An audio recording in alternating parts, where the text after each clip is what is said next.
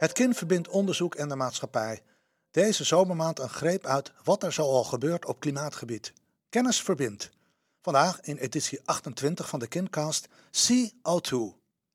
Rose Sharifian groeide op in Iran en wilde in de olieindustrie werken. Nu werkt ze aan de mogelijkheid om CO2 uit de zee te halen. Haar mooie levensverhaal is te lezen op www.deingenieur.nl. Samen met twee anderen heeft ze CO2, geschreven als het Engelse woord voor zee en dan O2, opgezet. De technologie die ze ontwikkelen vangt dus CO2 op uit zeewater.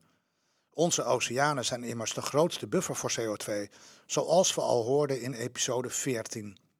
Het mooie aan de techniek van CO2 is dat het tegelijkertijd helpt tegen oceaanverzuring, waar schaaldieren en koraal onder lijden, waar we ook al eerder over hadden gehoord in deze kindcast. De eerste tests hebben al plaatsgevonden en er wordt nu gewerkt aan een grotere faciliteit. In 2035 hopen we een gigaton aan CO2 te kunnen afvangen, al dus Sharifian. Ook op change.inc besteden ze aandacht aan dit initiatief. En daar leggen ze ook uit wat we vervolgens allemaal kunnen doen met die CO2. Het kan gebruikt worden in kassen om plantengroei te stimuleren en in de toekomst wil de chemische industrie de koolstofcomponent gebruiken voor de productie van duurzaam plastic. De scheepvaart kan de CO2 bovendien gebruiken om samen met groene waterstof methanol te maken, een schonere brandstof.